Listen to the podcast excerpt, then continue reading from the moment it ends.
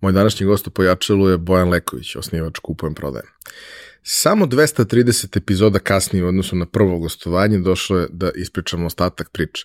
A ono o čemu smo pričali zapravo se desilo u ovih četiri i po godine. Bojan je fantastičan lik i ja vam zaista preporučujem da pogledate i prvu epizodu, bez obzira što je ona snimljena u vreme kada ja nisam znao da vodim podcast. Uh, sa gostom kao što je on, je to i dalje bilo prilično lako i možete da saznate svašta nešto o njemu što, što možda ne znate.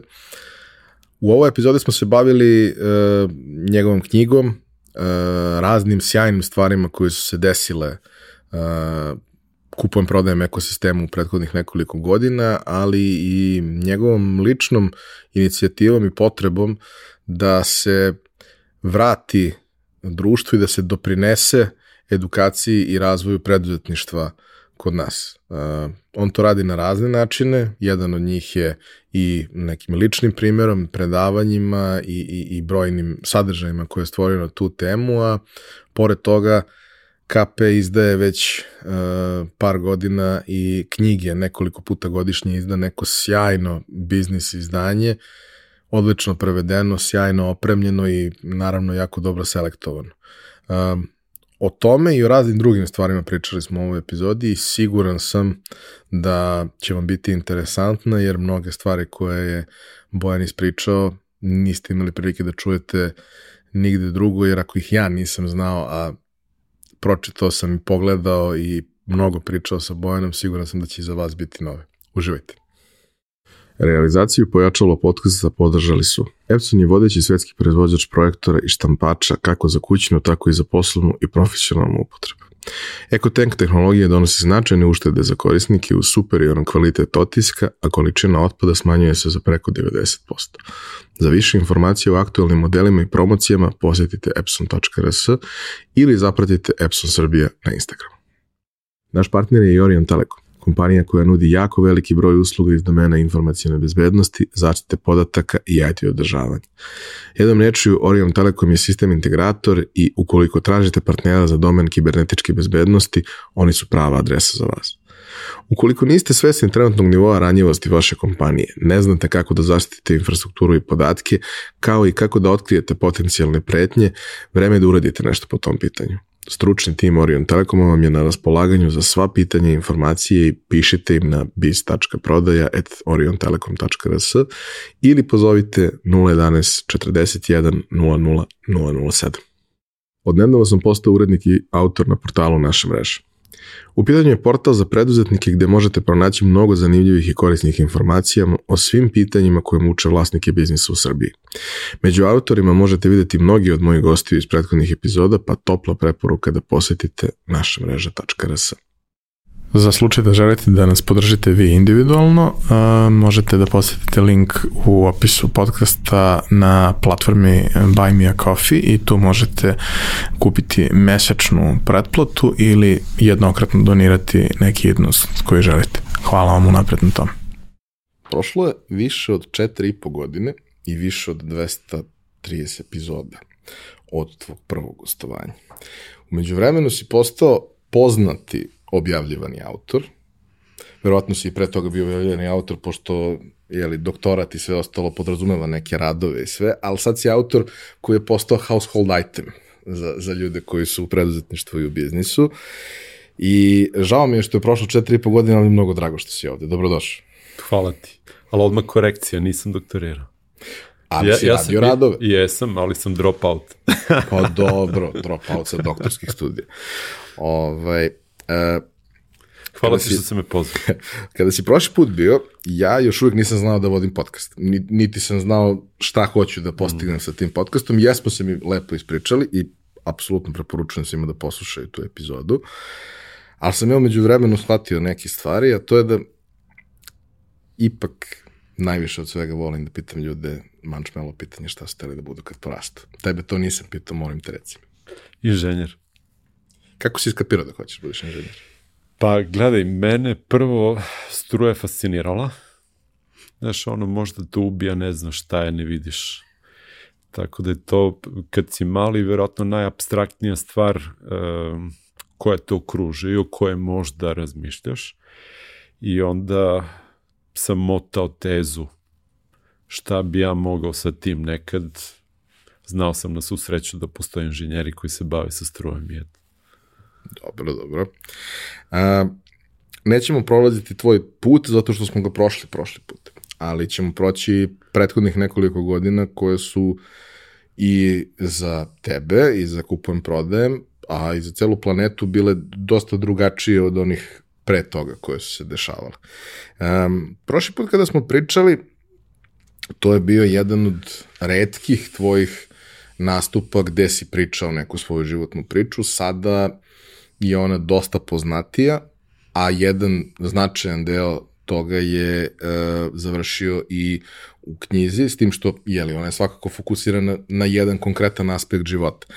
Ali, kako si došao na ideju da napišeš knjigu? I šta ti je bila motivacija i kako je izgledao taj proces? Pošto kad inženjeri pišu knjige, to je dosta drugačije u odnosu na ostale ljude. Da, da.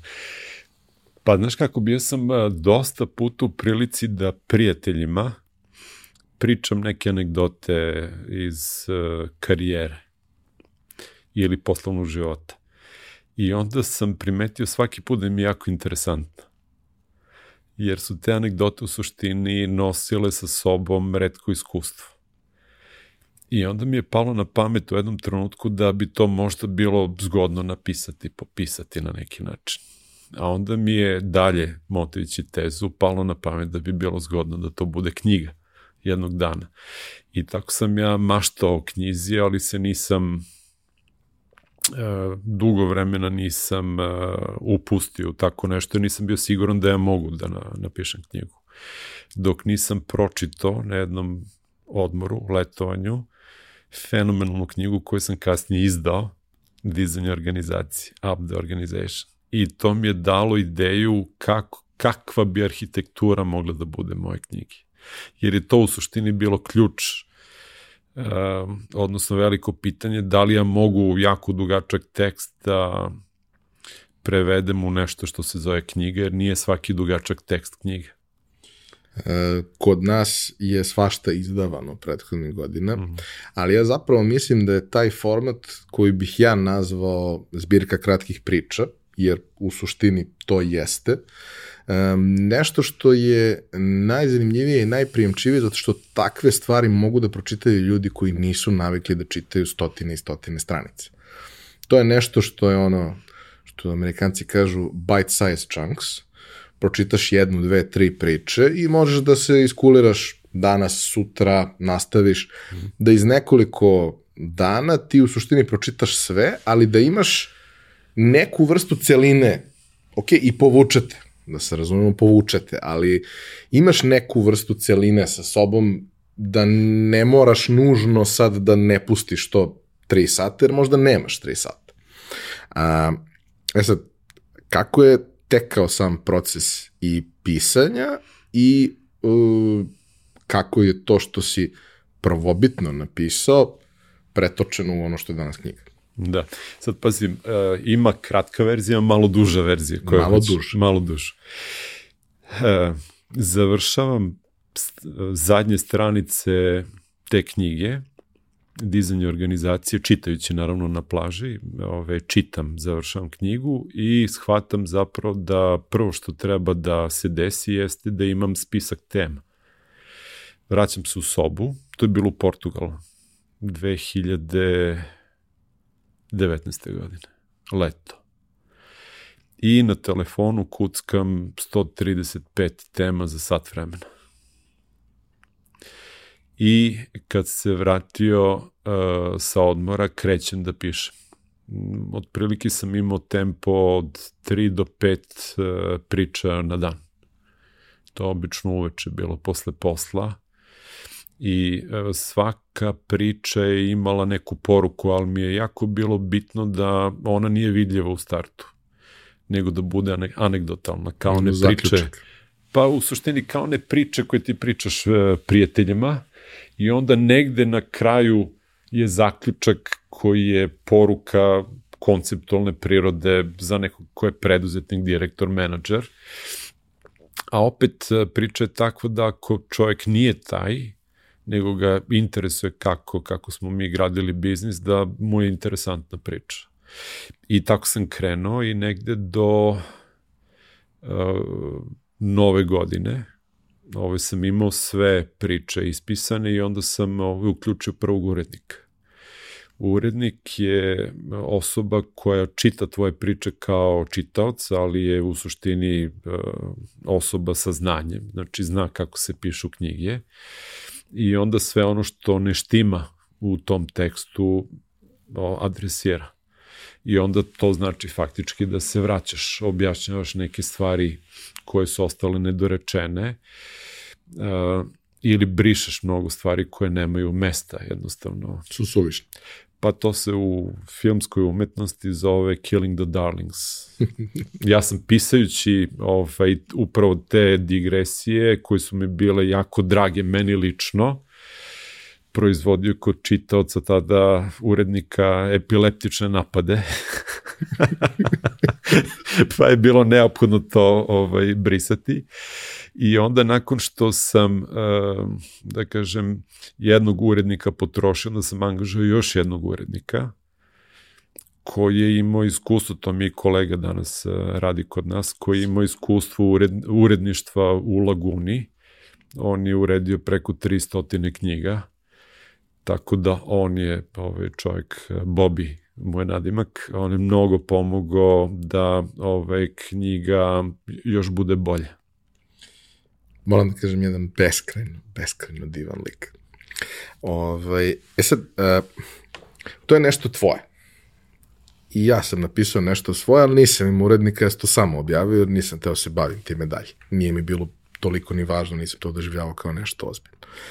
Ali ti si napisao nešto svoje i sad dolazi neko sa strane i dira ti u to. Mm -hmm. Kakav je to osjećaj i e, kako ok, ima si iskustvo sa, sa dvoje ljudi. Um, kako funkcioniše ta komunikacija, odnosno kako postavite stvari na način da se razumete šta hoćeš da ti postigneš, jer ok, on to čita, ali on ne zna, nije on, nije on taj lik koji je to doživeo i proživeo i on ne zna šta ti želiš da postigneš time, osim ako ti to vrlo jasno ne iskomuniciraš. I kako izgledaju te uredničke intervencije, zato što verujem da većina ljudi ne mogu to da, da pojme šta je. Ja sam to imao kroz tekstove, ali mhm. tekstovi su mnogo manje obiman i zahtevan format, da ti neko kaže, e, nije ovo baš najjasnije iz ovoga što si rekao, kao da si započeo, fali mi još malo da bih razumeo stvarno šta je, jer naravno svi krećemo od onoga što je nama poznato, to nije čitaocu. To nije čitaocu poznato. Dakle, kako izgledala ta dinamika i komunikacija i kako izgleda proces u smislu šta su intervencije i kako radite na tome. Pazi, to je na više nivoa u suštini komunikacija. Prvo imaš tehnički nivo, znači ja sam to radio u Google Docsu i urednik je mogao da gleda u suštini svaki tekst odmah nakon što bi ga napisao. To je jedna stvar. A onda bi ja gledao maltene real time kako radi urednik u stvari oba. E, pa onda imaš e, nivo razumevanja priče, gde urednik je u suštini lektor i onda shvatiš koliko si nepismen. A onda imaš i nivo povezivanja tih priča u neku veću celinu. Znači onda kompletna knjiga treba da ima smisla. I ovaj, povremeno bi se kroz priče vraćali na nešto što je nekad bilo Znači, da li sam se ponovo dotako toga, da li je to u tom delu naknadno dovoljno dobro objašnjeno. A e, intervencije su bukvalno e, tog tipa. Znači, uvedeš neki lik, ili nekog prvi put objasni, znači zašto je on bitan, šta se desilo, pa si njega ovaj, izabro da, on, da se on uh, pojavi u priči. Ovaj, objasni taj termin, kako si došao do, dotle. Znači sve ono što bi čitaoca vjerojatno interesovalo, ali ja ne mogu, pošto pišem, ne mogu da se stavim baš u cipele. A i ti već znaš. A ja znam. I tu imaš onaj curse of knowledge, uh, jel tako? Znači, prokledstvo sobstvenog znanja, pa nemaš ideju kako je to onom drugom. ovaj, sve to trebalo prevazići i to ti urednik u suštini pa, pomaže tim intervencijama, ali tu jako bitna jedna stvar, a to je da potpuno staviš pod kontrolu svoj ego. Jer neko sa drugi tebi kaže, ej, slušaj, nisi ti baš toliko pismen i nema baš to toliko struktura, ti inženjer, ili, znaš, ovo ti nije interesantno, a ti ubeđen da je interesantno. Tako da ja sam vrlo rano na svu sreću tu sebi objasnio da to što ti ljudi rade je apsolutno najbolje za mene. I mi smo oni izvorni, e, izvorne tekstove u suštini dosta pokidali iz moje vizure u trenutku kad sam ih pisao, meni se to činilo baš ovaj, šteta. Jer je mnogo tih uh, interesantnih pričica ispalo jednostavno jer nisu doprinosile uh, misiji koja je ta knjiga trebala. Celih priča ili segmenata u okviru priče? Segmenata. Bilo je neki priča koje smo izbacili, nisu jednostavno nisu doprinosile uh, poruci knjige, ali pogotovo u pričama kad ti kreneš nešto da pričaš, pa onda digresija jedna, druga, treća, ali pogubi se ove čitac. E, e sad, ti si inspiraciju imao kroz razne stvari koje si čitao, povuklo te kada si čitao ove dizajn organizacije da zapravo kreneš u taj proces, ali mm. kada si kada si bio u procesu i kada si pričao sa urednicima i ti kada si razmišljao o tome št, kako je, šta je to trebalo da bude? Pošto to nije tvoja biografija, to nije um, poslovna knjiga koja se bavi nekom temom. To je nešto čega ovde u principu baš i nema. A mislim da je jako važno zato što kad čitamo tak, na takav način napisane knjige stranih uh, autora i o stranim menadžerima, poslovnim ljudima, preduzetnicima, to je beskrajno zanimljivo i apsolutno neprimenjivo. Hmm. Gotovo uvek. E, a znaš kako, tu je ključnu ulogu odigrala prva urednica, Vesna Kešelj, koja je napisala roman nekad davno, pa je mene pitala da je ovaj, pročitam uh, tekst rani, pa sam ja objasnio kako sam uočio algoritam njenog teksta i kako imam problem sa čitanjem i kako sam ja tad njoj pomogao, pa sam se setio možda bi ona meni. I ona mi je čitajući moje priče koje su u startu bile um, na pogrešnu stranu, da kažem, nastrojene, jer su manje više kao nekakav poslovni rečnik. Znaš, kad pišeš one termine, šta bi ti te, ovaj, sve volao da ispričaš publici, pa onda kreneš na jednu stranu da objašnjavaš ovo, ono, pa to ispadne kao poslovni rečnik, ali sam morao nekako da uvedem čitaoca u, u neke stvari, e, pogotovo da kažem zašto sam ja došao u tu situaciju da nekom pričam ovaj, te anegdote, odnosno poslovne termine. E, ona je primetila da e, jako interesantnu E, notu imaju pogotovo one priče koje su iskustvene, deo života, deo karijere i tako. I ona mi je rekla, slušaj, ovo ima šanse da bude bestseller ako napravimo da bude kao roman. I onda sam ja negde, možda na polovini tog prvog dela, prvog dela pisanja, potpuno promenio ko, ko, ovaj koncept pisanja. I onda je svaka priča postala u suštinski uh, Uh, priča. Priča, bravo. Ne tema, nego priča. Priča. I to jeste ono što je najzanimljivije. Mislim, ja deo tih priča znam, deo sam pročitao kad si mi poslao knjigu ovaj, na, na samom početku, dok, dok još niko nije ni znao da će izaći. I bilo mi je jako zanimljivo. I prvo, Mislim, mnogo je lično, znaš, kao, mnogo mi je drago na nivou za što znam ljude. Da, da. Uvek ti je lepo kad čitaš reči, me kažeš, ja, ja znam ove ljude. Ovo su neki fini ljudi koje ja znam. Ovaj, a drugo, ja sam korisnik. Vrlo posvećeni korisnik. Ja kad nemam šta da radim, ja listam namešta. Ne kupujem, prodajem, ako mi ne treba. I dalje volim da ga listam. Neki ljudi listaju polovne automobile, ja listam, kupujem, prodajem namešta. Ovaj, I onda prosto, ono, građenje celog tog sveta je kao da si uh, behind the scenes na filmu koji jako želiš da, da, da, da vidiš. Imaš prilike da vidiš neke fragmente, ok, ne sve, nego ono što je odebrano da vidiš. ali je jako zanimljivo. A, koliko je trajao proces od toga kad si ti uh, seo i popisao 135 tema na telefonu do trenutka kada je knjiga bila spremna da ide u print? I šta se još dešavalo u tom procesu? Pa počeo sam 1. septembra 2019. da pišem. Prva ruka je bila gotova do nove godine. Tad je otprilike i prvi urednik završio posao a onda je drugi urednik krenuo sredinom januara i onda smo negde 1. aprila imali ovaj finalni tekst koji je šao u prelom. I kako je bilo kad prvi put uh, uzmeš u ruke štampanu stvar, što kažem naši, u pošti se kaže štampana stvar, kad prvi put uzmeš u ruke svoju knjigu?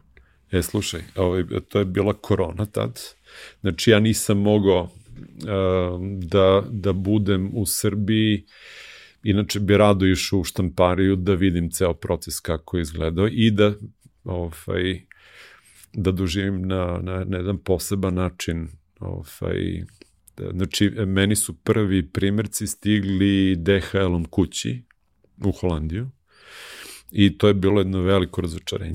ja se sećam toga da, da je suštinski taj tiraž bio problem. Da, da, mi smo prvi, prvo štampanje 4000 primjeraka uništili. Zašto? Pa zato što uh, jednostavno štampa nije bila dovoljno dobra, uh, margine su bile kose. I sad možda pojmeš, ti uzmeš knjigu koja priča o biznisu, o zapravo o jednoj velikoj ljubavi prema tom poslu, gde je naravno i brand jako bitan i objašnjavaš kako si obsesivno kompulsivan kad je u pitanju brand, a onda baš na toj stranici ko, kosa margina. I onda smo se zajedno dogovorili da ne može da, da ide ovaj, ta, pogotovo i zato što je prva knjiga i prvo, prvo izdanje, ne može da ide tako i onda smo uništili 4000 primjeraka. Dobro. Štampali iznova. I sad, uh, dešava se sve što se dešava, odnosno sve je otišlo dođe vola. Ovaj. I uh, sa KP-om se dešava suštinski jedno veliko zatišje, zato što niko ne zna šta će da radi sa sobom tih prvih ne znam, par nedelja korone. Ovaj, I sve je otežano, sve je komplikovano, ne možeš ni da pošalješ, ni da primiš pošiljke, ni bilo da. što. Relativno brzo sam, ja sam bio van zemlje, ali kapirao sam iz iskustava drugih da se to normalizovalo posle recimo mesec dana je počelo da funkcioniše. Ali vi sad imate jedan veliki poduhvat koji nema nikakve veze sa core biznisom, odnosno ima, ali nema veze sa core mm. biznisom. I imate core biznis koji je u nekom limbu, i imate situaciju gde se planeta raspada. Kako to izgleda? I ne možeš da dođeš iz Holandije ovde, nisi bio, koliko nisi bio? Nisi bio godinu dana. 14 meseci. Da. Kako to sve izgleda? Mislim, ka, kako? I imaš uh, organizaciju ljude koji se plaše. Odnosno, svi se plaše. Svi se plaše, ali naravno ti brineš o svojim ljudima. Svi se plašimo ali ti kao neko ko vodi to ne smeš da budeš vidljivo uplašen a ne možeš ni da budeš tu na licu mesta. Znaš, je, jedan prilično neprijatan period je bio.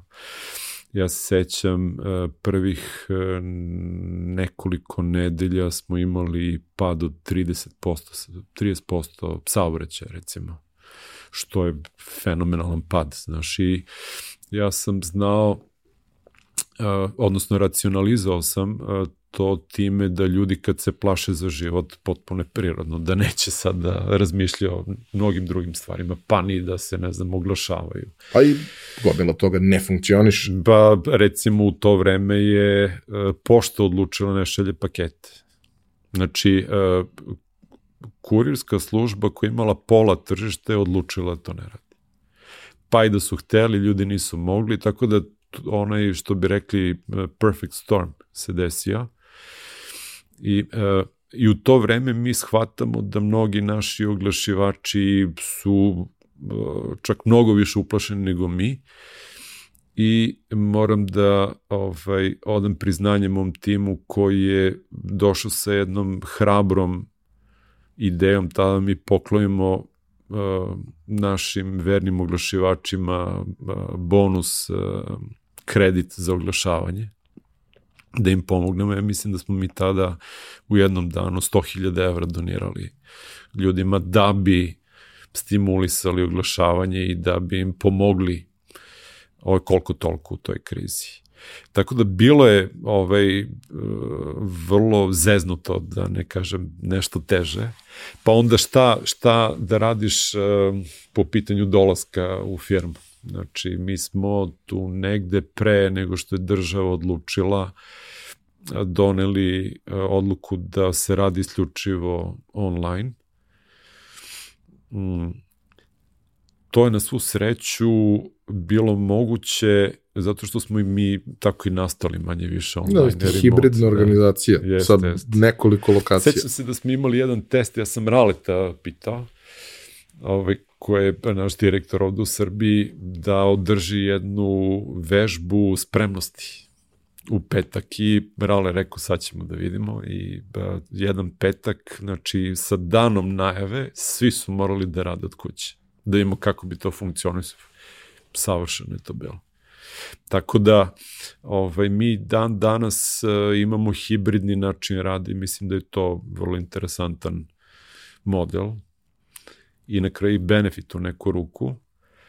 To nam je pomoglo da recimo ljude koji smo do tada tražili isključivo ili u Beogradu ili u Nišu sada tražimo po celoj Srbiji. Tako da je to donelo i neke ove, vrlo lepe uvide uh, napredovali smo i kažem i kao ljudi i kao organizacija svašta nešto se ovaj tu ubrzalo tad u tom periodu. I svašta nešto se desilo u ovom periodu ovaj od te tri godine razni i interni projekti i svašta nešto mimo toga koji su onako prilično mm, za organizaciju koja nije bila preterano brza sa usvajanjem novih stvari, jako puno novih stvari se desilo. Tako da je to ono, baš, A znaš baš kako, lepo. tu smo mi bili oprezni, znaš, nije da... Um, kad kažeš nešto nisi dovoljno brz, to treba staviti u kontekst. Recimo, ako je trka spora, ne treba ti da budeš previše brz, ili tako? Znači, zato što to ima neku cenu i ta cena bi, bi bila plaćena nepotrebno. Tako da smo od uvek vagali u suštini kojom brzinom mi treba nešto da radimo, znaš. A onda smo shvatili da neke stvari i treba brže da radimo, pa smo i radili. Znaš šta, ja, ja se sećam recimo, davno smo pričali o svemu tome i, i, i analizirali to onako ja sa spoljne strane, mm -hmm. ti sa unutrašnje, da ok, meni i kao korisniku i prijatelju i sve to, ja bih volao da su se neke stvari desile brže. Ali ono što je meni uvek bilo fascinantno, šta su stvari koje su najvažnije u jednom takvom ekosistemu, u jednoj takvoj zajednici? E, recimo, jedna od, od jako važnih stvari je korisnička podrška koja treba da bude brza i jako efikasna. Korisnička podrška u Srbiji nikada nije efikasna nigde. Osim na kupom prodajem. I bila je takva i kad je firma bila mnogo manja nego što je sada, zato što je neko rekao da je to važno. I to jeste bilo važno. Jer ako ti nemaš tu vrstu podrške u, u nekim trenucima kada, kada je ljudima potrebna brza informacija, brz feedback, ti si izgubio tog čoveka. A nije baš lako doći do novog. E, tako da, mislim da je to e, dobro prioritizovanje stvari, bilo jako važno i kreiranje te organizacije koja nema preveliki broj zaposlenih, ali su to sjajni ljudi koji su posvećeni i efikasni i onda samim tim uh, ukupan workload koji oni mogu da urade je ogroman. A imaš i IT sistem koji ti pomaže u, u dosta tih stvari da budeš efikasniji. Gledaj, ovaj, nismo savršeni. Niko nije savršen. da, ali se trudimo. I e, što bi rekli u onom našem starom filmu svakog dana u svakom pogledu smo sve bolji i bolji.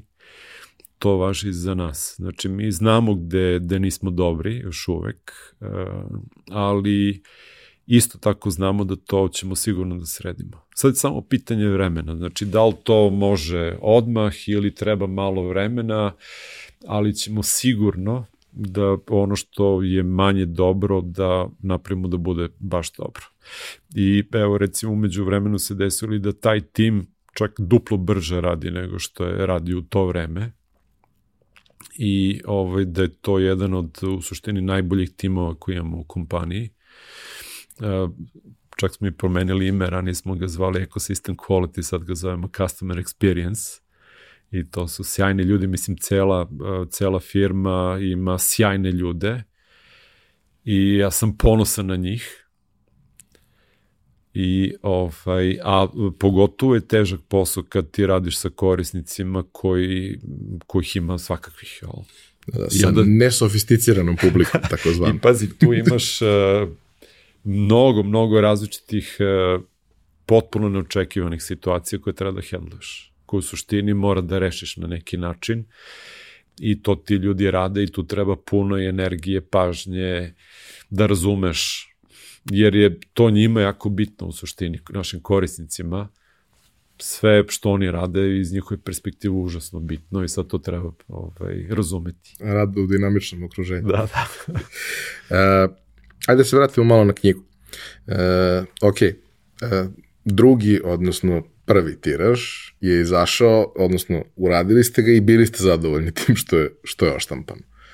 Šta onda vi nikad niste prodavali knjige? Uh, pa gledaj, da, šta onda? Znači, prvo, prognoza je bila naša da će knjiga biti prodata recimo između 3-5 hiljada primjeraka u tom tiražu. Ove, ona je umeđu vremenu dostigla skoro 15.000 prodatih primjeraka, 8 štampanja i ukupno 18.000 smo je ove, štampali, što je, što je super. Znači, prevazišla one najluđe prognoze koje... A mi inače u firmi imamo običaj da se kladimo pošto mnogo brojki, različite mm. stvari, onda je šta mislite ovo, ono. I sa, tadašnji prijatelj, a sadašnji kolega i prijatelj je prognozirao do 500 primjeraka. ovaj, e, što je u suštini bio znak meni da budem oprezan jer je pisanje knjige i izdavanje knjige u suštini reputacijona kocka.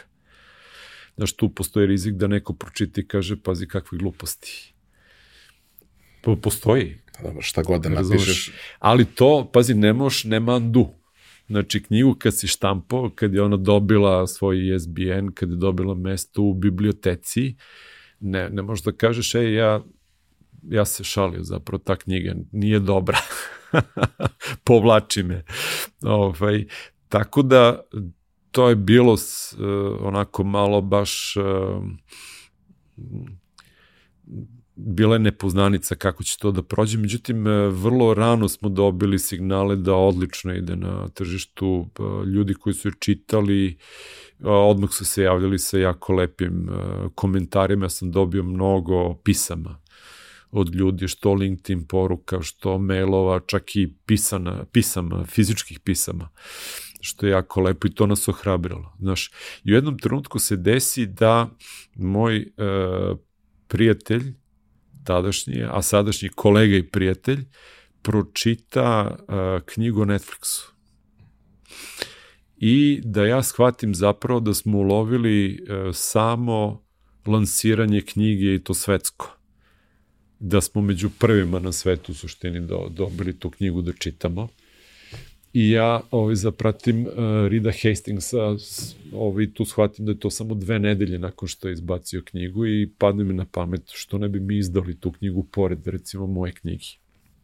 I tako se rodila ideja u suštini da mi izdajemo knjige za koje smatramo da su apsolutno najbolje za poslovno i lično uzdizanje u Srbiji. Da na taj način damo nešto, pošto smo mi inače kao biznis e, pokušavamo da, da dajemo primer e, u sferi preduzetništva i to pazi koji je primer, da je u principu nekom koji je nišlija srednja klasa, što bi se reklo, uspela na prvi nešto veliko u, u Srbiji.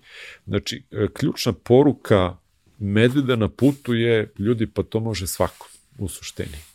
Nisam ja ništa poseban, niti ovaj niti rođen u nekom posebnom svetlu ili ovaj nešto posebno imao pa sam uspeo u nečemu što mi je bila namera. Ja mislim da to može svako i da ljudima zapravo treba najviše ohrabrenja. I onda, pratići tu logiku, smo shvatili da nama treba jedna edicija za e, preduzetničko prosvetiteljstvo, uzdizanje, ohrabrijevanje i tako smo došli od toga da nakon knjiga o Netflixu izdajemo i druge knjige. I to će se nastaviti. Sad ih ima sedam. Sedam, da. Ako I... ne računamo i englesku... Englesku verziju da, da na putu. Da. A, ajde se vratimo na, na tvoju knjigu. A, kada je ona izašla u, u, u javnost, prvih par meseci, iako i dalje bila ta cela situacija sa COVID, ja mislim da nekako jedna od stvari koja se desila su ljudi imali malo više vremena. Vidio sam ja i po podcastu koliko je poraslo slušanje u tom nekom periodu. Pretpostavljam da je slično bilo i sa, sa čitanjem i sa... Sigurno, da. Prosto tom nekom Znaš kako ja to gledam, mislim, ok, i, i gledanje serija, filmova i svega toga, ali svaka ta mogućnost da ti pobegneš u neki drugi svet, bar na dva sata. Samo da isključiš koronu na dva sata. Da, da. Ovaj, da, da je ljudima mnogo značila. I bilo je mnogo komentara, povratnih informacija, um, ono, ok, nas nekoliko je dobilo knjigu među prvima da je pročitamo i napišemo neko svoje mišljenje o tome, velika čast Hvala i veliko zadovoljstvo, mm. jer je knjiga izuzetna. Ovaj, ali vrlo brzo su se priključili ljudi koje ne znaš. I nekako mislim da je velika stvar kada dobiješ feedback od ljudi koje ne poznaješ. I ljudi koje poznaješ, oni su srećni što si ti napravio bilo šta i oni vole tebe, pa samim tim im je sve dobro, ono, nećeš položiti Fitzpatrickov da, da. mam test.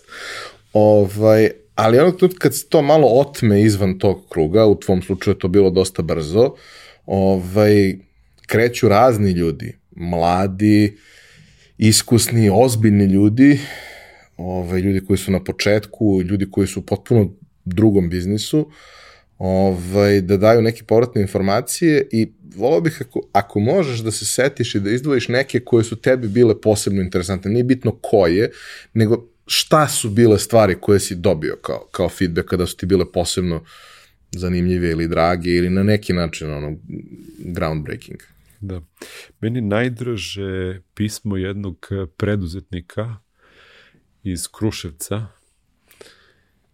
koji je napisao jedan esej na pet ili šest a četiri strana o svoju životnu priču i čovjek je volao isto da piše, ali nikad se nije usudio da ide na tu stranu i suštinski imao potrebu nakon što je pročitao Medvede na putu da meni e, ispriča svoju životnu priču.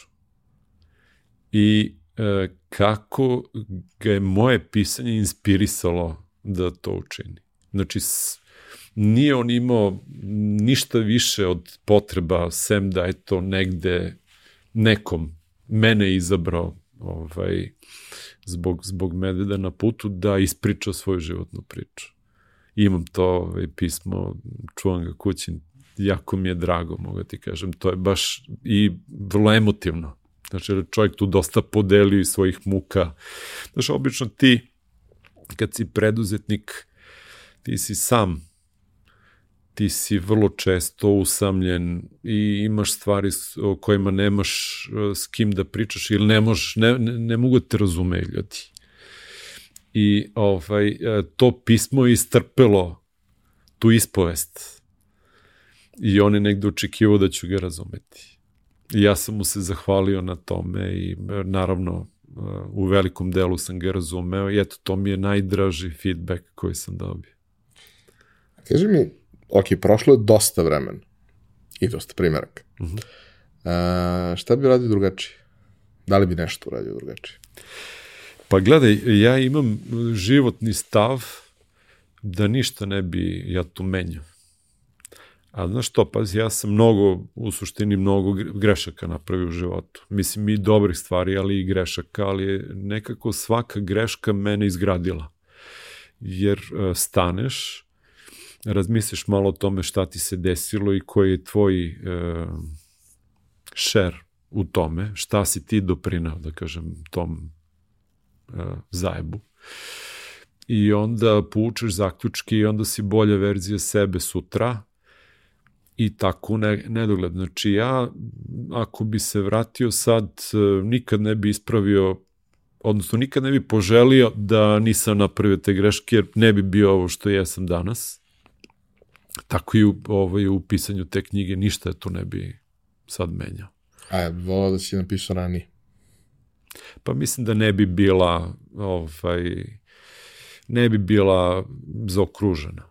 Je da trebalo da, da sazri. Pa trebalo i da sazri, da ja imam, mislim da je ovaj, čak korona dobar prelom Znaš, recimo ja sam pre nekoliko godina pročitao knjigu Istina o mom životu od eh, Đorđa Karadžorđevića. I ona se završava naglo u jednom trenutku, a to je kad njega puštaju iz toponice, oslobađaju ga Nemci. I onda eh, u nekom Mercedesu ga iz, odvoze iz toponice i puštaju negde kao slobodnog čoveka u Beogradu. I to je kraj knjigi. I sad ti sanjaš šta se dešavalo narednih koliko je živeo još 30 skoro godina. E, tako i ovde, medvede na putu se završavaju uh, u suštini izbijanja varednog stanja u Srbiji. I mislim da je to ja, to je naknadno ovaj, napisana priča, znači jer uh, smo shvatili da bi bilo zgodno i taj deo makar malo uključiti, jer je pisanje bilo završeno pre, pre ovaj, korone. Tako da ovaj, tri poslednje priče su dodate u zadnji tren i mislim da je to jako lep uh, uh, konac koji delo krasi. Ja mislim da je na taj način zaokružena celina, ali ima još celina o kojima ima smisla da se priča. Pa da. A, u celom tom procesu ovaj, ulaska u izdavaštvo, ok, sa, sa tvojom knjigom, moja logika je to suštinski nije moglo da bude fail. Prvo, knjiga je dobra, drugo, postoji ogroman broj ljudi koji su zainteresovani da saznaju to. Sad, koliki je taj broj ljudi, niko ne zna, ali je veliki. I samim tim što imaš zajednicu i mediji svoj u okviru koga su ti ljudi koji su zainteresovani, to je prilično dobro polazna osnova. Ali e, to je jedan deo priče. Drugi deo priče su sve ove ostale knjige koje su tu koje su tu došle. Sada umeđu vremenu je u firmu došao Bobby, je donao sa sobom ogromno iskustvo, kontakte i sve ostalo i ono, par puta kada smo se videli na kafi i pričali, meni je uh, fokus na detalje koje on ima, jer mm. uh, i on je jedan od onih ljudi koji su uradili mnogo toga, ali nisu baš uvek imali priliku da oni tu rade onako kako oni misle da treba. A sad imaju to mogućnost i sad je jako važno da svaka knjiga bude dobro dizajnirana, dobro prelomljena, dobro opremljena, sve ostalo, jer ih nema 100 godišnje, nego ih ima šest godišnje ili pet ili tako, tako nešto. I onda možeš da se posvetiš tome. Znaš da će prevod da bude jako dobar, da će na tome da se radi, znaš da će oprema da bude jako dobra i to sve stvarno izgleda, izgleda sjajno. Ali e, on zna kako funkcioniše taj biznis. I e sad možda će to bude grubo, verovatno hoće, ali taj biznis je užasan. Kod nas je taj biznis užasan. Da. Na način na koji se radi na najmasovnijoj skali. Kako ste vi, kad ste pričali o tome, razmišljali da to postavite kao mikrobiznis u okviru KP-a? Jer kapiram da mora da bude biznis. Jeste. Znači, on u suštini e, i jeste tretiran kao posebna poslovna linija s jednom bitnom razlikom što nam nije bitno da bude profitabilan jer nama knjige zapravo predstavljaju e, način da dođemo do jednog posebnog dela naše populacije koji je jako bitan. To su preduzetni ljudi, to su poslovni ljudi, e, to je budućnost naše zemlje. I e, to nam je jako bitno i reputaciono i naravno ovaj, e, sa strane naše potrebe da ne, na neki način se odužimo našoj zemlji. I što bi rekao Abraham Maslov, najveći poklon jednom narodu je preduzetnička prilika. I e, jednom narodu najviše treba preduzetnika, onih pravih, dobrih a potom i svega ostalo, jer ovi u suštini kreiraju novu vrednost koja pomaže celom društvu. I onda koji je najbrži način da mi pomognemo jeste upravo kroz uh, stavljanje u ruke najbolje svetske literature i mi smo rekli to ne mora bude puno knjiga, znači mi nismo i ne želimo da budemo klasična izdavačka kuća, mi ćemo uraditi nekoliko izdanja godišnje i to će biti nešto što je apsolutno najbolje na svetu u nekom aspektu ličnog ili poslovnog razvoja. I ja stavljam svoju reputaciju iza toga. Faktički ja kažem ljudi, ovo treba da čitate i dajem ljudima u ruke tu literaturu i čitajte.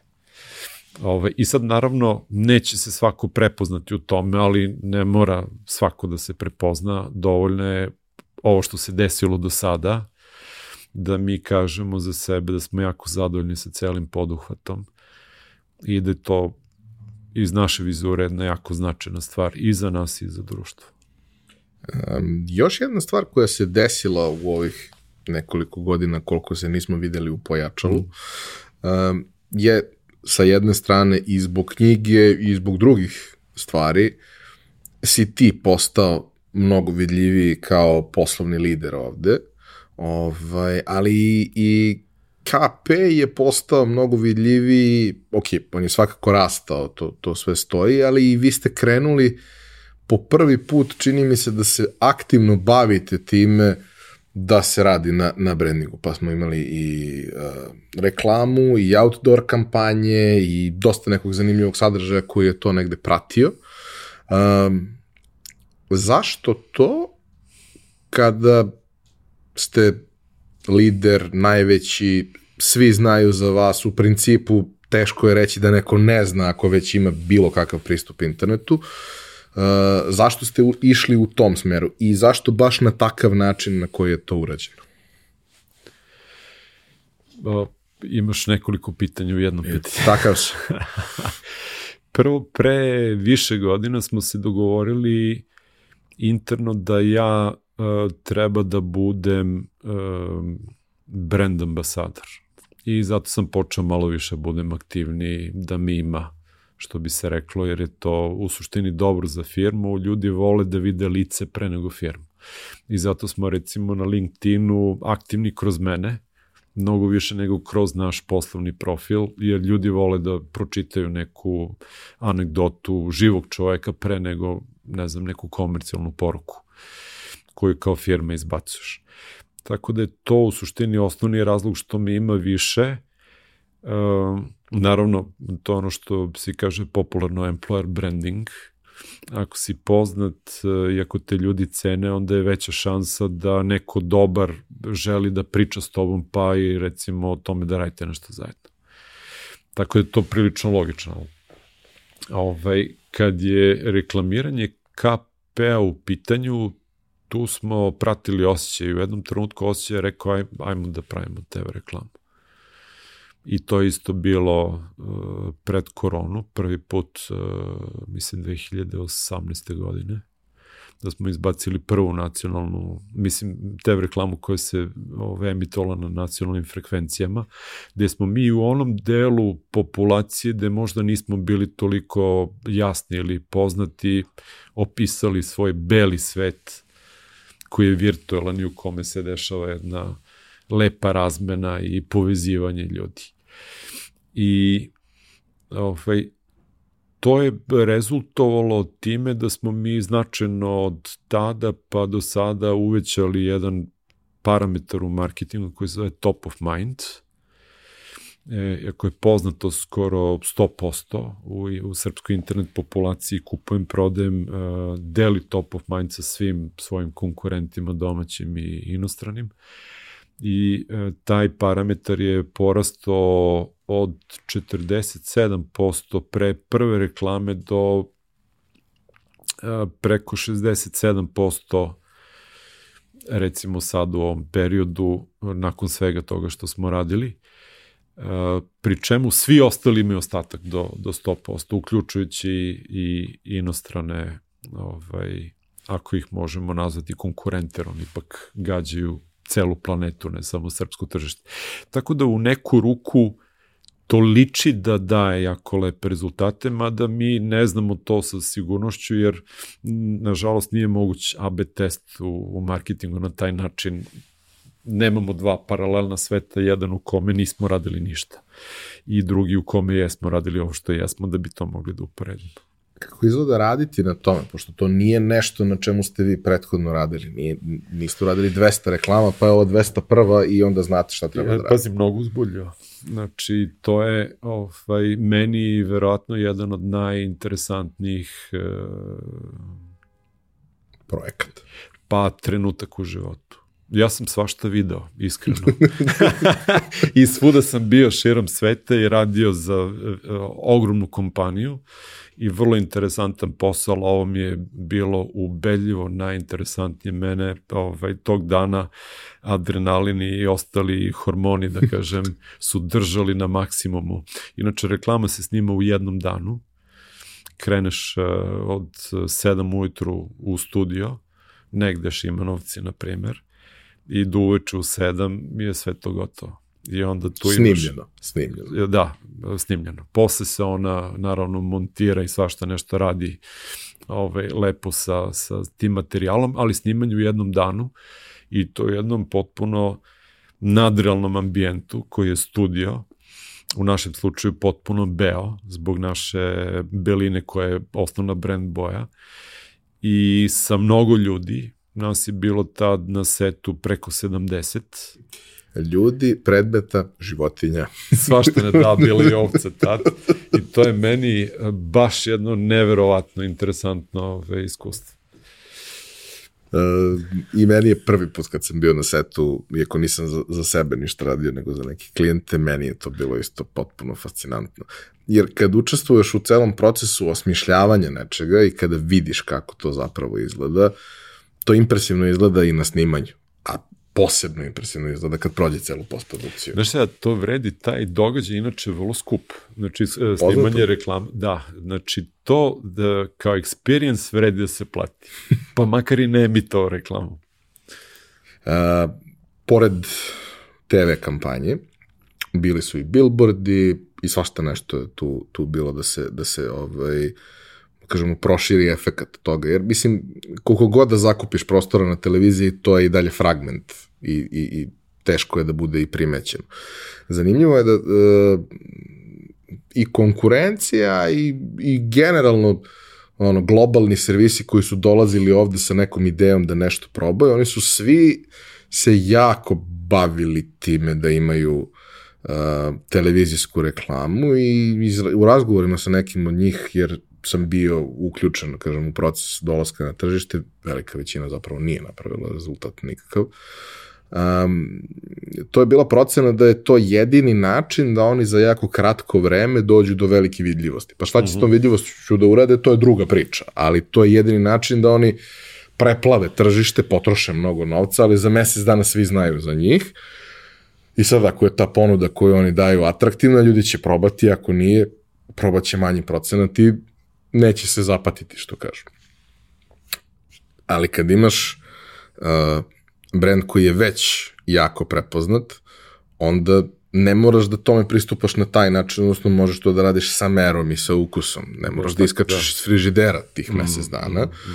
Ovaj, kako ste vi taj deo priče kada ste imali materijal koji treba, kako ste birali i plasman i koliko će vas biti i gde će vas biti?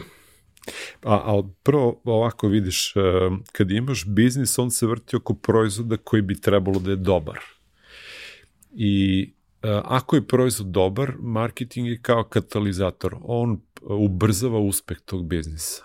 A ako je proizvod loš, opet katalizator, marketing ubrzava propast tog biznisa. tako da u oba slučaja je dobro, jer nemaš beskonačno mnogo vremena da, na ovom svetu. Bolje da ako nešto je dobro što pre bude najbolje i ako je nešto loše što pre ovaj, propadne pa se baviš nečim drugim.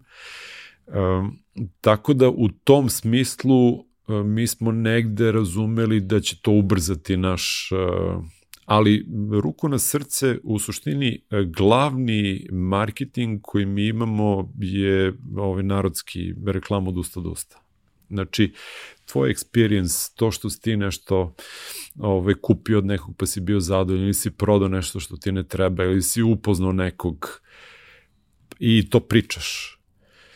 To je u suštini uh, naš najveći marketing uh, motor koji, koji postoji, koji svakog dana generiše ogroman uh, velju za našu firmu.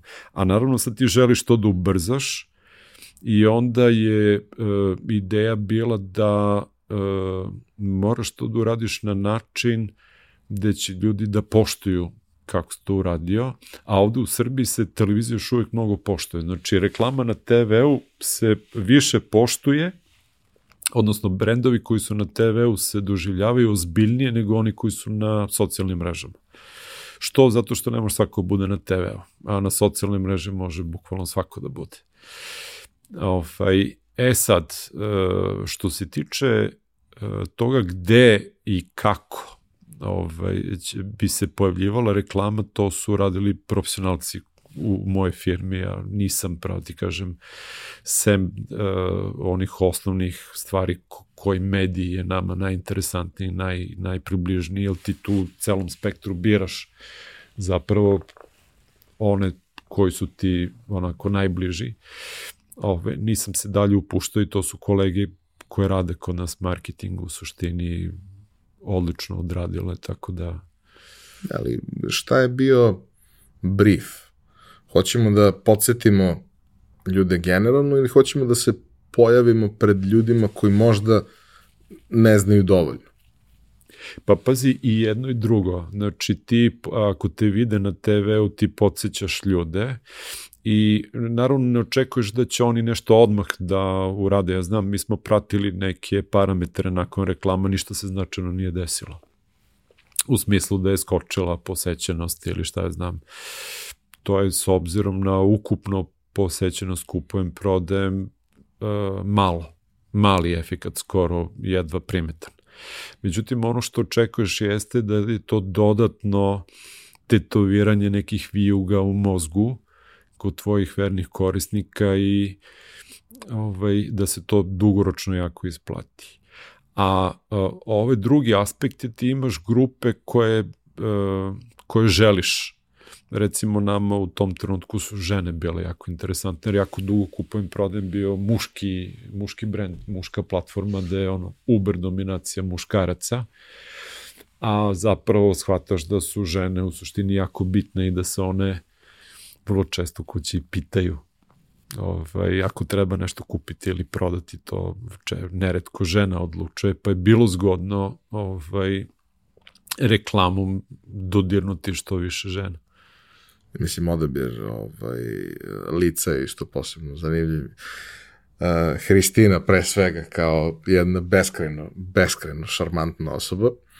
Ovaj, uh, ono što bih isto volao da se do, dotaknemo a tiče se ovih prethodnih nekoliko godina, to je da ste vi u tom periodu izbacili dosta nekih proizvoda, projekata u okviru kupujem prodajem. Od toga da je, ne znam, tokom korone bila ona priča sa smeštajima lokalnim po Srbiji, jer nismo mogli da putujemo nigde drugo, a što ne bi malo reaktivirali i videli šta zapravo ima naša predivna zemlja.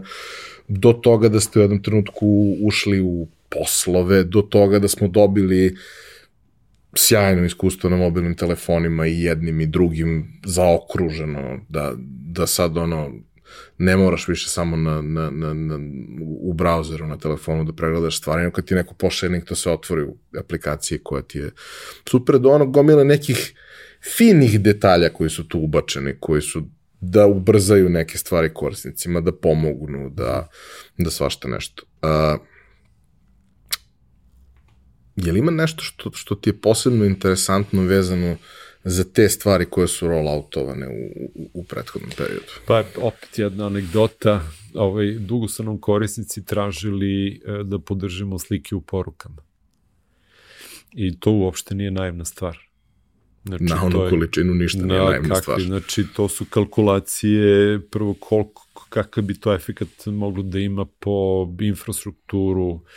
Ja mislim da mi u svakom trenutku imamo e, preko 100 miliona slika i sličica na, na našim serverima. I e, naš sistem poruke je jedan u suštini vrlo ozbiljan messaging sistem koji može da se koristi ovaj, u paraleli ili nezavisno od ovih popularnih. Ali naravno mi želimo da se on uh, koristi relevantno, znači kad se ljudi upoznaju ili kad dogovaraju. Uh, ovaj, bilo je zgodno naravno da sprečimo da komunikacija vrlo brzo sa našeg sistema pređe na Viber ili WhatsApp. E, razlog dodatni za to je što smo detektovali da onda postoje rizik i za prevare. Znači, kad komunikacija ide mimo našeg sistema, ti objektivno ne znaš šta oni sve mogu da ovaj razmenjuju od sadržaja, a uh, ono što znamo jeste da neki put, recimo, ako neko želi da prevari nekog korisnika, mu pošalje neki phishing link, uh, to nije moguće ako se koristi naš sistem, a jeste moguće ako ide kroz uh, WhatsApp, Viber ili, baš njih briga u suštini za lokalne probleme u Srbiji. I onda smo hteli u suštini da bi sprečili korisnike da idu na druge ove sisteme za messaging, odnosno da bi ih ohrabrili da koriste naš sistem, e, da zaokružimo ovaj experience, znači bilo je neophodno dodati uh, slike u porukama, taj projekat je trebao šest meseci.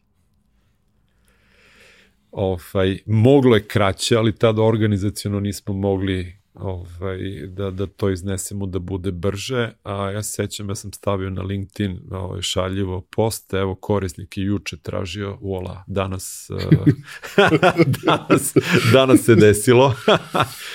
Tako da, eto, taj mi je ovaj projekat i zato što je toliko vidljiv i toliko korišćen, ovaj, jako drag. Vidi, relativno skoro ste ubacili ono da na klik može se stavi adresa i telefon, to je najbolja stvar koja se desila u poslednjih ono pa, da je uh, jako, jako korisna stvar, jel? Da. Jer ne moraš više da ideš u notes da to kopiraš, Baš nego tak. je tu. Da, da. A, kaži mi, uh, pored svega što se dešava sa, sa KP-om, uh, već, čini mi se, dobrih dve godine, si se uključio i aktivirao u priču sa Mokrogorskom školom bili su ovde, bio je Srđan, bio je Bojan, pričali smo malo ovaj, o, o, o školi, mislim Srđan je pričao malo više, jeli? ali ovaj, pričali smo malo o školi i to jeste jedna sada već prilično dugovečna inicijativa da se radi nešto sa preduzetnicima koji su ovde prvo je li endemska vrsta, drugo obično bez ikakvog formalnog backgrounda koji je možda nije neophodan, ali poželjan da ne bi napravili glupe greške u tom celom procesu. Oni su svašta nešto radili kroz razne svoje i mhm. pojedinačne edukacije i programe i događaje i sve ostalo, ali čini se da tada predno dve godine je to podignuto za, za nekoliko nivoa. Prvo, tako što se nekoliko vas sjajnih, vidljivih ljudi uključilo u tu celu priču, ne samo kao deo toga, nego kao aktivni učesnik u, u, u razvoju svega toga. Um, kako je došlo do toga, šta je tvoja motivacija i kako ti vidiš to šta radi Mikrogorska škola i tvoj doprinos? Došlo je na jedan jako lep način. Aleksej Srđanov sin je pročitao moju knjigu I ove, rekao Srđanu, tata, mi moramo ovog čoveka da dovedemo na Vivaldi Forum.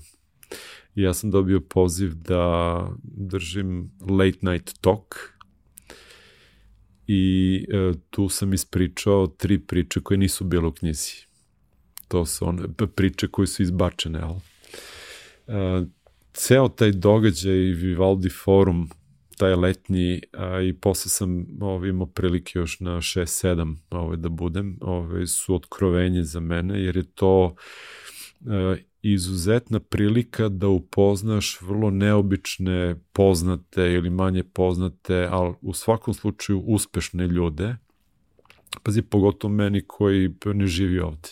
Znači ja sam ovde relativno redko u odnosu na dobro, nije baš toliko redko, ali ređe nego ti, jel? Znači, i onda nemam tu mogućnost da svaki dan odem s nekim na kafu ili na burek. I e, meni je to bilo značajno da, ovaj, da otkrijem da su Vivaldi forumi zapravo mesto da ti možeš kondenzovano da upoznaš krem de la krem i da shvatiš zapravo da su to sasvim obični, pristupačni, a opet izuzetno uspešni ljudi. Evo, recimo sad ovaj jesenji forum kome su tema ljudi, gosti su bili govornici, recimo Peđa Mijatović, pa onda ti imaš prilike se družiš sa njim ovaj, tri dana, da Dejan Tomašević, Ivan Miljković, naš olimpijac zlatni iz odbojke, pa, pa se pojavi Emir Kusturica, pa onda sednemo, pričamo, ove, na razne teme, ti tu čuješ, da kažem, mnogo interesantnih anegdota koje inače ne bi nigde pročitao, jel? Tako da je to meni toliko u suštini e, privatno, a u neku ruku i poslovno značilo, što sam se uopšte upoznao sa tim ljudima, a vrlo brzo nakon tog događaja Srđan mi je ponudio da budem partner ovaj, u školi zajedno sa grupom fenomenalnih ljudi. I pravo ti kažem ja, ovaj, to, pošto je to u suštini poziv u neku ruku je pažljivo razmislio o tome. Znači, po, poziv odabranim ljudima, to je za mene i velika čast bila. Znači, I... Nije te pozvao kad je otvarao, nego kad je već baš napravio tako, nešto. Da, baš tako, da.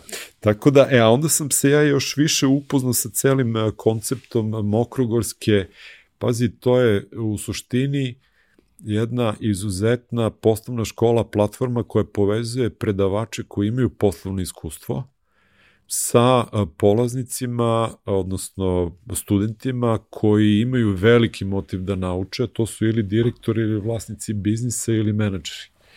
I onda imaju programe recimo za ubrzani menadžerski razvoj Business Print, pa sve do recimo jednog vrlo ozbiljnog programa za pomoć vlasnicima biznisa koji zove Bolji biznis koji traje tri godine, gde ti uh, ovaj, upoznaš ljude koji svi imaju svako neki svoj biznis i neku svoju muku.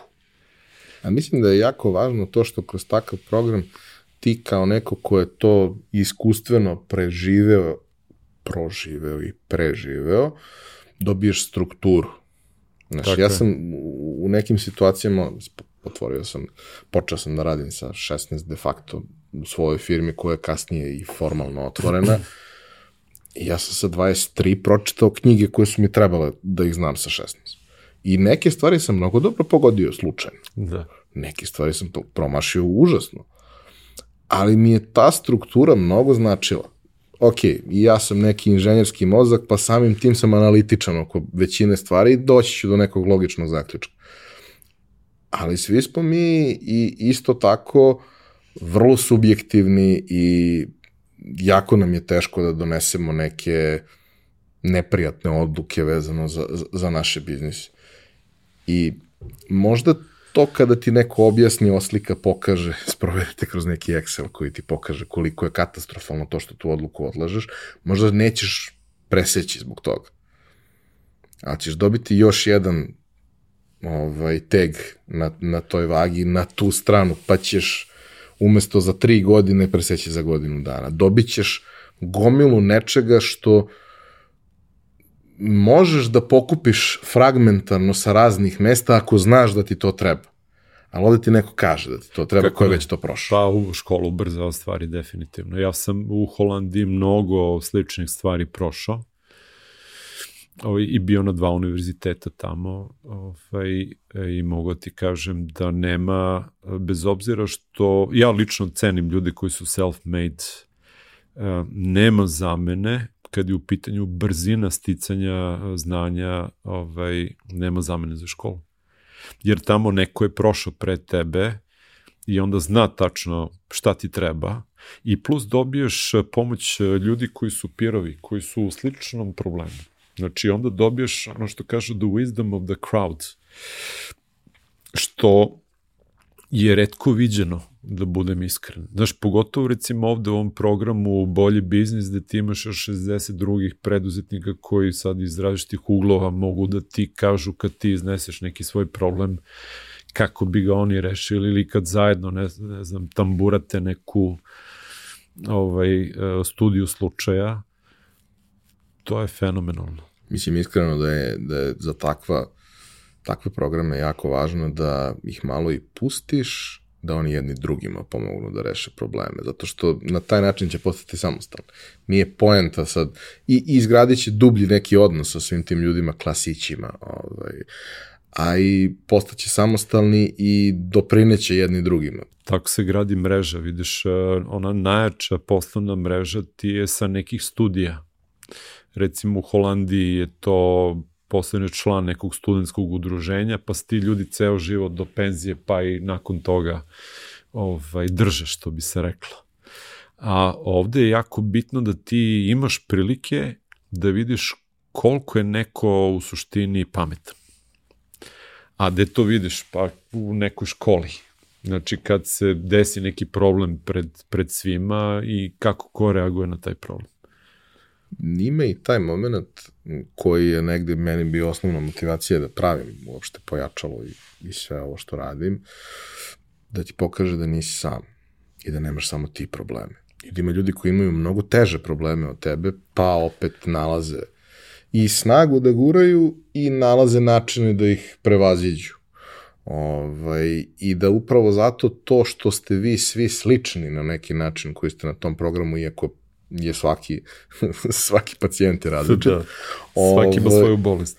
Ali e, jeste to slično. Odnosno, mnogo ste vi bliži jedni drugima nego što ste bliski prosečnoj populaciji. Pa, baš tako. Znaš, to su ono, zašto, zašto ne volim da idem na slave i slične stvari kod rodbine i sve to, zato što ja nemam s kim da pričam tamo. Nijedna osoba ne razume nijedan moj problem, a ja razumem probleme svih njih i, i svima njima treba nešto da pomogne. Mm. Nije to baš možda ti zanimljivo prvi put, ali 15. put ti je više muka toga ne želiš time da se baviš. Ovaj, drugo, ja inače nisam neki ljubitelj ljudi, tako generalno. Ali to kad pričaš sa ljudima koji su slični, tu je jedna rečenica dovoljna da ti promeni život. Kao i sa dobrim knjigama. Slušaj, evo da, anegdote jedna. Ovaj, e, moj jako dobar prijatelj u Holandiji, Holandjani i vlasnik jedne kompanije, mi se povremeno viđamo. I onda ja sam išao u posetu kod njega, pošto on živi malo dalje od, od mene, sa nekim tezgobama, pitanjima. I jedno je pitanje vezano kako prepoznati da je neko dobar.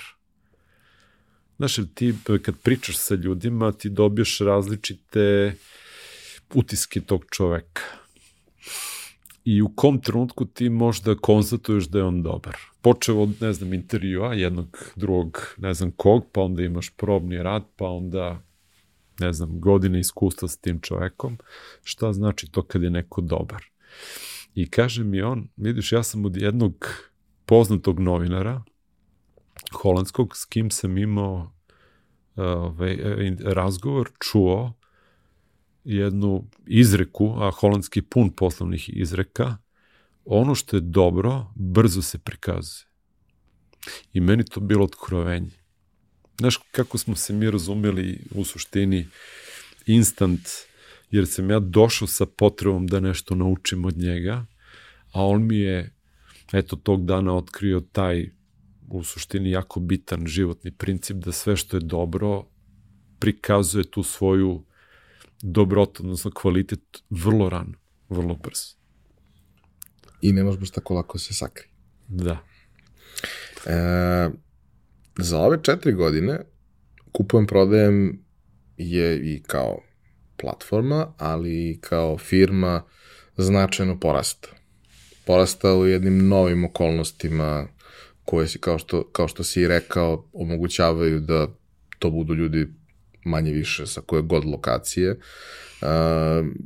da to bude u jednom novom svetu gde je, čini mi se, mada ne previše, ali ipak osetno, normalizovana elektronska trgovina, jer nismo imali baš neki izbor, pa su ljudi koji ne bi da probaju, probali mm -hmm. i ok, deo njih se vratio na svoje navike kao je imao pre, ali deo njih je ostao, je shvatio da mu to odgovara. I uh, čini se da ovaj, to sve što se dešavalo nekako bilo sve zajedno dobro.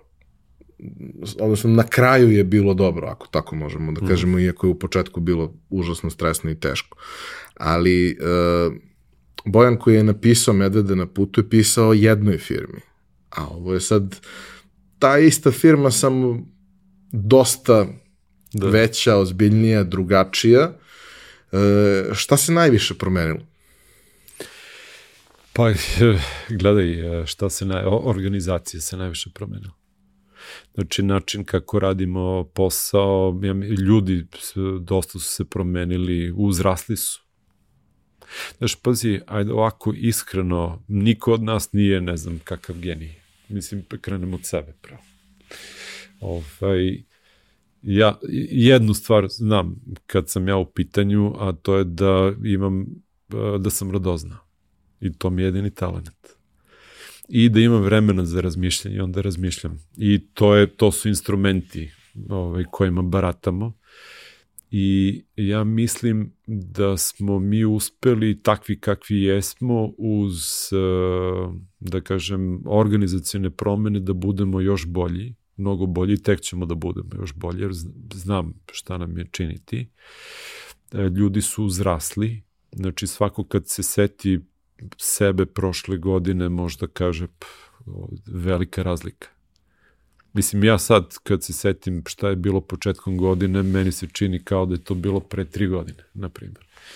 I to je dobar znak. Uh, kao biznis smo isto porasli, uh, skoro smo ovaj, prešli, prevalili 3 miliona registracija.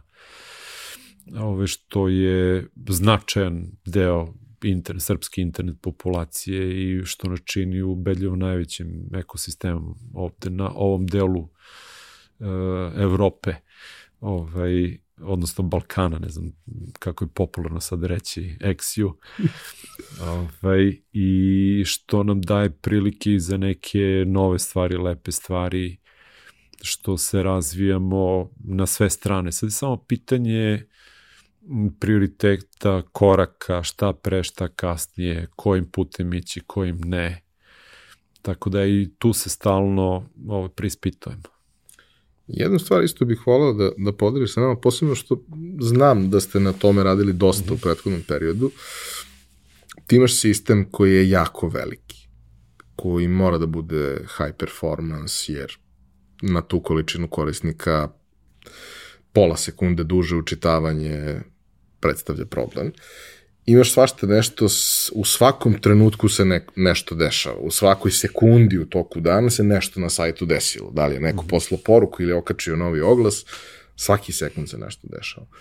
A, a imaš negde obavezu e, da bi ostao relevantan i da bi mogao da rasteš i da se razviješ, da tehnološki ispratiš napredak koji se među vremenu desio, jer svašta nešto se desilo. Mm. Mislim, ako pričamo od početka, ovaj, kada je KP počeo, sve se desilo, što se kaže. Ovaj, ali posebno u prethodnih 4-5 godina mnogo toga je postalo drugačije, dostupnije, neke stvari jednostavnije, neke stvari bogami kompleksnije. Kako vi prosto gledate tu celu priču, jer mislim, ispod svega menadžera, autora, objavljivanog i sve to, ti si inženjer. Dobro, ali ima i drugih inženjera. Naravno, da. ali, znaš, kao svakom inženjeru je važno da to inženjerski bude dobro. Jeste, jeste. Ali znaš kako, ovaj, kad vodiš kompaniju, ti u suštini te se baviš principima. Znači, ti bi trebalo da imaš dovoljno iskustva poslovnog da uh, neke bitne stvari definišeš kroz principe i da ih onda preneseš na svoje najbliže saradnike i da se to poštoje kroz evo recimo dalje kroz organizaciju. Znači, jedan od principa je nećeš da menjaš tehnologiju tek tako. Ja, naravno, nema srljanja kad postoji nešto ozbiljno, nema da, srljanja. Ali da. Ima promena. Ima promena. Znači, e, velika promena koju smo uradili je, ovaj, napravili smo novi, faktički novi KP sa novom arhitekturom i novom tehnologijom u frontendu. I novi dizajn. I okay. novi dizajn, ali naravno na način da to ne iritira ove korisnike. Tu smo se maksimalno trudili i čak ovaj, kad smo radili lansiranje vrlo pedantno, grupu po grupu, čank po čank korisničke baze, znači postepeno prebacivali da bi učili ovaj, u tom procesu e, šta sve nismo dobro uradili. To, znači, tu je oprez jako bitan, Uh, radiš nešto kad si prilično siguran, da prelazak na novu tehnologiju, kad si prilično siguran, stabilna, da je ona postala mainstream. Uh, Ovaj, vidiš, to su principi ovaj, o kojima pričaš uh, u kompaniji i to pazi posle ljudi koji se razumeju to dalje, da kažem, uh, razvijaju. Znači, ja, Sprovod. Sprode. Nisam ja, sem da kažem, želje da budemo moderni, brži, ne, moj doprinos tu je minimalan. To su sve ljudi odradili. Ok, mhm. okay naravno, ali mm, imaš i taj moment da bi prosečan srpski preduzetnik uh, koji ima nešto što radi, ne bi dirao ništa, jer to radi, nema potrebe da se bilo šta dira i onda bi došao u problem koji je u nekom trenutku ne rešiv. Zato što bi imao preveliki tehnološki dug, to ne bi radilo kako treba, ne bi više moglo da se skalira, imao bi hiljadu i jedan problem ko, koji uz to ide, a vi ste na neki način gledali, čini mi se onako sa strane, a malo i ono što, što znam iz razgovora sa ljudima, da vi nekako gledate da u pravo vreme svaku stvar uradite. Pa gledaj, više ljudi uključeno u taj proces, uh, inicijativa dođe uh, od kolega koji su upleteni, jel? Znači, onda vagamo i tu je jako bitan taj uh, trenutak, jer ako je prerano, onda je opasno. Ako si zakasnio, onda te pojede tehnički dug, spucite problemi sa raznih strana i onda ne možeš da se iz, iskobeljaš. Tako da mi nemamo problem kao organizacija, kao ljudi nemamo problem s time da treba se menjaju stvari. Čak je najveći izazov u suštini ubediti korisnike da su promene neophodne. Znaš, jer ljudi obično, a što jako lepo vidimo kroz korisničku podršku, neguduju kad god nešto promenimo. Normalno. Jer što vi to dirate? Šta samo smetate? A zapravo neophodno je da bi nešto bilo lakše, da bi nešto bilo efikasnije, brže, da bi bilo, da bi imalo budućnost u poslovnom smislu. Znači, razviješ neki novi servis, želiš da im to ovaj, predstaviš, to naravno je novina. Um, kad smo čitali knjigu, upoznali smo firmu i deo ljudi mm. koji su tu i znamo ko su, šta su, sad ja ih znam i ovako, ali ljudi koji ih ne znaju su saznali neka imena mm. za neke ljude i sve. E sad, prošlo je od knjige, četiri godine. A, kako je organizovan KP iznutra? Koliko ljudi u stvari za početak ima pa, i kako je organizovan? Ima nas sa eksternim saradnicima ukupno skoro 50 a, interno nešto preko 40 i e, najlakše rečeno naša organizacija je produkt e, da kažem e, posvećena. I sad izaćemo tri knjige koje opisuju zapravo e, best practice e, kad je u pitanju izgradnja digitalnih proizvoda onda organizacije koje prave digitalne proizvode i kako se oni ovaj, marketuju.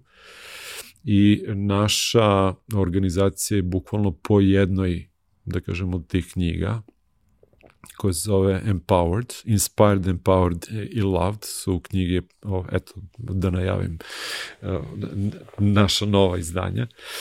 Ovaj, I uh, dugo vremena smo razmišljali o tome koji model bi nama odgovarao, pa smo analizirali šta je radio Spotify, recimo, pa onda Međutim, shvatili smo zapravo da mi moramo da jedan hibrid koji je nama zgodan uh, produkt organizacije, gde recimo u, u dva, odnosno tri produkt tima imaš sve neophodne discipline da se na platformu izbace funkcionalnosti koje za korisnike jako bitne. I to je, da kažem, e, najjednostavnije rečeno, znači ti imaš e, šefove e, tih produkt timova koji su faktički produkt oneri, produkt menadžeri, unutar produkt tima imaš sve discipline od UX dizajnera pa sve, naravno product owner UX dizajnera pa do QA-a. Oni naravno treba da imaju zajedničku viziju kad je u pitanju proizvod, trebaju da imaju i zajedničku ideju naše arhitekture, treba product marketing isto da ovaj, bude zajednički, tako da postoji po uh, horizontali nešto što mi zovemo chapteri, što je inače poznato u, u, u terminologiji takvih organizacija, što je u suštini horizontalno povezivanje ljudi koji radi isti posao unutar produktima. Tako da po dve e, u suštini ose su ljudi povezani po e, pitanju posla, odnosno projekata na kojima radi, to su product feature i po pitanju uh, domena posla u kome su. Da li to front, da li je backend, da li je QA ili UX ili produkt. Oni imaju, da kažem, svoje načine da se dogovaraju kako će nešto zajednički da u suštini radi. A koliki je tim za podršku? Taj tim ima, pored čovjeka kog, koji ga vodi, još pet sjajnih ljudi. Samo šest ljudi samo šest ljudi i puno, tu naravno ima i ovaj, uh, softvera. Ti ljudi rade izuzetan posao, on je, znači njihov posao je prvo e, vrlo raznovrsan, zato što je e, ceo e, taj back office za kontrolu jednog takvog sistema e, u suštini izuzetno komplikovan. I mi smo cele prošle godine imali kontinuirani e, kviz znanja na nivou cele firme gde smo proveravali naše produkti i korisničko znanje za sve kolegi u firmi, gde je naravno bilo očekivanje koji su oni ispunili da je taj tim najbolji, jer on treba pruži pomoć korisnicima. Ne znam, tu ti se javi pitanje tipa čovjek je oglasio, ne znam, leteću lasicu da li to sme, ne sme, ne znam, sme pod ovim uslovima i tako, razumeš, pitanje tog tipa, pa do, ne znam, tehničkih pitanja, ne znam, nešto sam teo, pa nije, pa nije moglo, kako da može, pa to treba da mu se reši. Taj tim ima zadatak da korisnici budu zadovoljni i da im što pre reši problem. Znači, ne ono tipa, kroz jedno 5, 6, 15 ovi interakcija sam te razumeo. 45 radnih Ej, slušaj, što nije lako. Nije lako. Znači, desi se nama da, mislim, neko ko bude gledao sad podcast će reći da, ali ja, tačno. Znači, može da se desi da ti nisu uradili, eh, da kažem, rešili problem odmah, ali sve ukupno, pošto imamo brojke na nivou celog sistema, to je ovaj, odlična vojna organizacija, bih rekao. I ja bih se složio. Hvala. Sa korisničke strane. Ove, ovaj, e, jedna stvar koja, koju isto e, nisi pominjao ove, ovaj, ranije, mislim da, da je nekako važna, jeste taj moment e, leadershipa na daljinu. Ok, e, sad si češće tu i na duže si tu, ali kako je bilo preživeti tih 14 meseci koje ti jednostavno fizički nisi mogao da dođeš? Pa gledaj kako moraš, u principu odma da kažem da nije dobro, da si toliko dugo odsutan. Znači, biznis trebaš da pratiš izbliza. Um, ono što je problem kad si non stop sa ljudima jeste što ti stopiš tu i postaneš slep za, za nešto. A kad dođeš sa strane, ti svežim očima gledaš na stvari. Tako da ja mislim da ovo što ja radim, a ja sam jednom u tri nedelje prilike dođem, da je neki optimum, da sam tu počeo da rezonujem zapravo sa ovaj, potrebama biznisa i e, ti tada pričaš sa ljudima, ja recimo volim ljude da izvedem u šetnju. Odem od firme do Kalemegdana i onda, što kaže Bobi, peripatetičarska seansa. I onda održimo jedan sastanak drugi, samo se osvežimo, ovaj, pogledamo ljude, neki put i neki kviz ovaj, organizujemo tom prilikom znanja vezano za oglase u Knez Mihajlovi. I ovaj, tako da to je u suštini onda osvežavajuće, znaš, prije, meni prija, prija ljudima i onda kad se ja vratim recimo u Holandiju, onda krenem sa biram misli i ono što je moj posao jeste u suštini unapređenje organizacije procesa, rad sa pre svega najbližim saradnicima da bi oni ovaj, bili što bolje lideri svojim ljudima, trudimo se tu isto pravimo greške, ali, bože moj. E, jedna stvar koju smo svi negde primetili sa COVID-om jeste da ako pričamo o tome da ono, efikasnost da se posao uradi, to je u principu nakon onog što kad je rešeno to elementarno ko vodi računa o deci dok, dok smo svi u kući. Mm to se vrlo brzo, da kažemo, vratilo u normalno. Ljudi su promenili svoje radno vreme da bi se prilagodili svojim internim kućnim obavezama i to je sve ok funkcionisalo. Ali je nestao onaj deo koji je mnogo važan, naročito ono, za bilo kakav inženjerski rad, rešavanje problema i slično, što mi ne odemo na ručak pa pričamo. Ne popijemo kafu i ne sedimo svako za svojim kompjuterom, nego usput pričamo o nečemu i nešto uhvatimo. Uh, i tu sam primetio i da kažemo ovako i, i u radu sa ljudima i feedback od, od dosta ljudi da je tu zapravo najveći izazov naći način da ta komunikacija opstane u nezajedničkom fizičkom boravku sa ljudima. Pa jest, da. Jer kad, eh, kad si spontano s nekim u razgovoru, onda ti padne nešto na pamet i onda mu kaže, jer pazi, e, e, sastanak poslovni nije neophodno mesto gde će tebi da padne nešto pametno na pamet, korisno. Evo recimo meni na sastancima redko kad nešto padne na pamet. Znaš, obično je to u nekom, e, obično to u šetnji, u mom slučaju. I bitno je da imaš te trenutke da onda interaguješ sa nekim dok je to uh, sveže, dok je da kažem, zaobraditi da može neko da ti pruži intelektualni pedans. I ono što mi u firmi imamo, oni ljudi koji su u ofisu tad ručaju zajedno. Ali e, ostaje izazov e, sretanja. Znaš, i to u ovakvom režimu nije idealno. Znaš, na kraju pazi nije lako ni na neki način e, upriličiti te veštačke susrete koji treba budu neformalni, suptilni, na kojima će opet nešto poslovno da, da se desi. Ja, znaš, to, to ono forsiranje team buildinga koji obično ne služi ničemu. E, kod nas team building nema tu svrhu buildovanja tima, nego mi idemo se zezamo. ja ne volim da se mlatim na tim buildingu sa nekim mozgalicama. Pa ja prvi. Ne volim ni rale, ne vole kolegije i onda idemo da se dužijamo negde. Um, neću još mnogo da te davim, ali hoću te postavim jedno pitanje koje mislim da kroz ovaj proces i, i rast firme si na neki način iskristalisao sebi, a mislim da je jako važno.